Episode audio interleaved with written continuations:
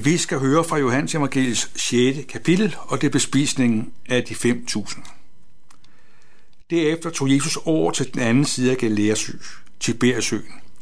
En stor folkeskare fulgte ham, fordi de så det tegn, han gjorde ved at helbrede de syge. Men Jesus gik op på bjerget, og der satte han sig sammen med sine disciple. Påsken, jødernes fest, var nær. Da Jesus løftede blikket og så, at en stor skare kom hen imod ham, sagde han til Filip, hvor skal vi købe brød, så disse mennesker kan få noget at spise? Men det sagde han for at sætte ham på prøve, for selv vidste han, hvad han ville gøre.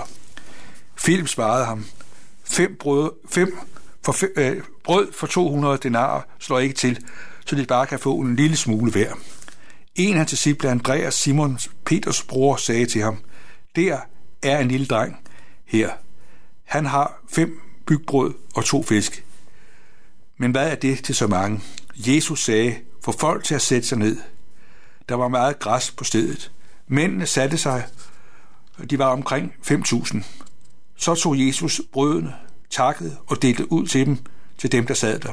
På samme måde med fiskene, så meget de ville have. Da de var blevet mætte, sagde han til sine disciple, sammen de stykker til sammen, som er til års, så intet går til spilde. Så samlede de dem sammen og fyldte 12 kurve med de stykker af de fem bygbrød, der var blevet til års efter dem, der havde spist. Da folk havde set det tegn, han havde gjort, sagde de, han er sandelig profeten, som skal komme til verden. Men Jesus forstod, at de ville komme og tvinge ham for at gøre ham til konge, og han trak sig altså tilbage til bjerget helt alene. Det er jo en fantastisk beretning, hvor vi hører, at Jesus han virkelig kan gribe ind og gøre en forskel. Man kan godt forstå, at de mennesker, der havde oplevet det og været sammen med Jesus, ønskede at gøre ham til konge. De er svært ved at få armene ned, for de kunne jo med god grund tænke, at når Jesus kunne stille 5.000 mænds øh, sult, hvad kunne han ikke gøre godt i samfundet? Jesus havde virkelig gjort noget, som alle kunne se og glæde sig over. Øh, det er jo nærmest 20.000 mennesker, som er blevet bespist. Man kan godt forstå, at folk tænkte, det her, det er bare sagen. Jesus er den fuldkommende konge. Vi lægger også mærke til, at folk fulgte ham, fordi de så de tegn, han havde gjort. Men Jesus og hans godhed er ikke bare udtømt i det, han kan gøre. Jesus er den, der ikke bare vil spise os af med alt det, han magter og alt det, han kan gøre. Jesus er den, der vil give os livet. Og Jesus, han trak sig. Han, han, han insisterede på ikke at være konge, sådan som de ønskede det. Han ville netop være den, som kunne give mennesker ikke bare almindelig brød, men give os det evige liv. Jesus er livets brød. Det er det afgørende. Men samtidig synes jeg også, det er en fantastisk beretning, der viser noget om, hvordan Jesus han øh, magter at gribe ind, hvor vores muligheder er ganske få. 5, 200 denarer og fem brød og to fisk. Hvad er det til så mange? Men Jesus tog brødet og fisken og lagde sin velsignelse ind over det. På en måde kan vi sige, at den lille dreng, han er en hovedperson. Der var ingen, der regnede med ham og regnede med hans ressourcer. Men Jesus tog brødet og fisken og lagde sin velsignelse ind i brødet og ind i i festen. Og sådan er det jo tit, at Jesus han kan bruge de små smuler, vi har. Jesus er den, der kan lade sin velsignelse virkeliggøres trods vores ganske fattige evner og muligheder. Jesus gjorde brug af de brød og de fisk, den lille dreng havde. Det synes jeg er godt at tænke på, at Jesus er den, der vil bruge os. At vi skal ikke vente på, at vi synes, at vi har ressourcer, vi har styrker, vi har kraft nok, for så forventer vi forgæves. Men, men Jesus er den, der har givet os livet, givet os den dag. Og derfor får vi lov til at se denne dag som en mulighed, hvor Gud kan lade sin velsignelse blive sat i spil, også igennem vores liv og de muligheder, der er vores.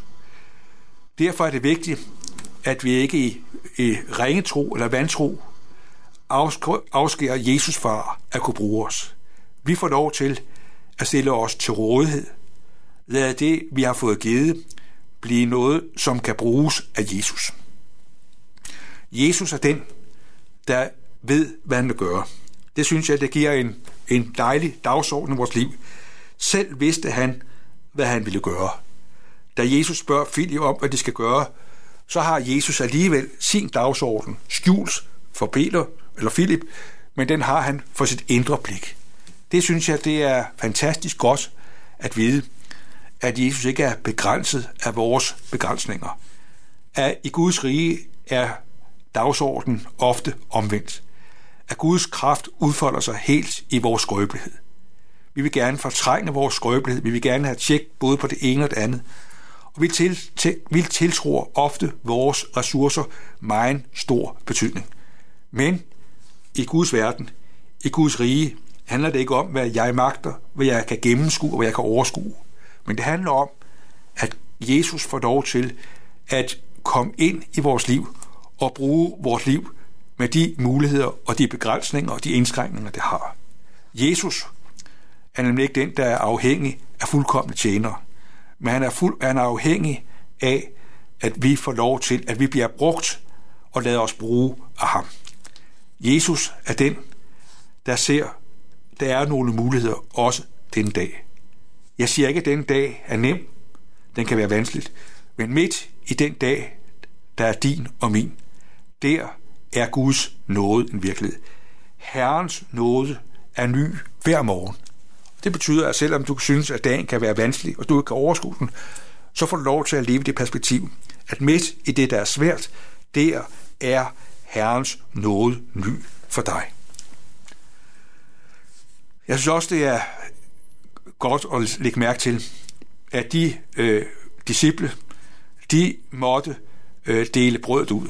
Brødet bevægede sig ikke selv. Disciplene, de måtte slide, de måtte arbejde. Og jeg tror, at disse disciple efter dagens møje var træt og brugt. Jeg tror, at de, de måske havde lidt stivhed i ryggen og benene, men de blev brugt af Jesus. Og det fortæller altså noget om, at vi må se i øjnene, at det at virke og det at arbejde i Guds rige er forbundet med et arbejde. Det er godt at bede. Det er godt at lægge alting frem for Jesus. Og Jesus er lytten og vil gerne høre, hvad vi har at sige. Men nogle gange så tror jeg, at vi sætter et punktum her. At vi tænker, at når vi har bedt, så er alt sket. Så skal vi hverken gøre fra eller til. Men der tror jeg ofte, det er sådan, at vi skal bede, og så må vi bruge vores liv, så må vi bruge vores muligheder til at gøre gavn. Og det må vi se i øjnene, nøgtern og realistisk, at det er arbejde og stå i en tjeneste, det kræver en indsats af os. Sådan er vi kaldet til at gøre gavn. Og læg mærke til, at øh, alle fik, hvad de havde brug for. På forhånd var der ingen, der kunne forestille sig, hvordan disse mennesker kunne få stillet deres sult. Men Jesus lagde sin velsignelse ind i det, øh, denne lille dreng havde. Denne lille dreng, som ingen af os ville betragte som en ressourceperson. Hvis vi havde, sted, hvis vi havde stået sammen med de, med de 5.000 mennesker og Jesus, så var der ingen af os, der havde drømt om eller forestille os, at denne lille dreng gjorde nogen forskel. Men han blev brugt. Han var et menneske, som Jesus brugte i sin tjeneste. Og sådan kan vi måske også føle os små og mægtige. Føle os, at vi er ligesom den lille dreng. At vi ikke har noget at gøre godt med. Og så alligevel, så er Jesus den, der kan lægge sin velsignelse ind i det, vi har. Og sådan, at der bliver overskud, eller så der bliver, så der bliver overflod, når alt er gjort op. Sådan er det med Jesus. Man kan godt forstå, at folk ønskede at gøre ham til konge. Men Jesus ønskede ikke, at fokus skulle være på det, han kunne og det, han gjorde, men på ham selv. Jesus, som i forlængelse af denne her beretning, taler om sig selv. Jeg er livets brød. Den, som kommer til mig, skal aldrig dø, men have det evige liv. Den, som kommer til mig, skal ikke sulte, og den, som tror på mig, skal aldrig tørste. At Jesus den, der opfylder det behov, vi har. Behovet om tilgivelse for vores sønder, noget med Gud og fred med Jesus. Alt det giver Jesus os. Og nogle gange, når Jesus trækker sig, så er det for, at vi ikke skal blive forblændet af alt det, han kan. Men det, at han trækker sig for, trækker sig, sådan at vi kan overveje og reflektere over det, han siger, sådan at det, han siger, kan nå ind i vores liv. Jesus, han, han taler ind i vores liv. Der står utryggeligt, at de mennesker, der fulgte Jesus, de fulgte ham, fordi de så de tegn, han gjorde. De var altså dybt fascineret og begejstret over det, Jesus gjorde. Men de var fremmede og blind over for, hvem Jesus er. Jesus trak sig, og på den måde var det en anledning til, at Jesus, da de kom ud til ham, kunne sætte ord på, at det, der er det største, det er, at han er livets brød. Arbejd ikke for den mad, som forgår, men for den mad, der består til evigt liv. Det, som menneskesønnen kan give, er evigt liv. Jesus er den, der er det evige livs brød, der stiller vores sult, Giv os det, vi ser, han ser, vi har brug for. Det er evangeliets rigdom.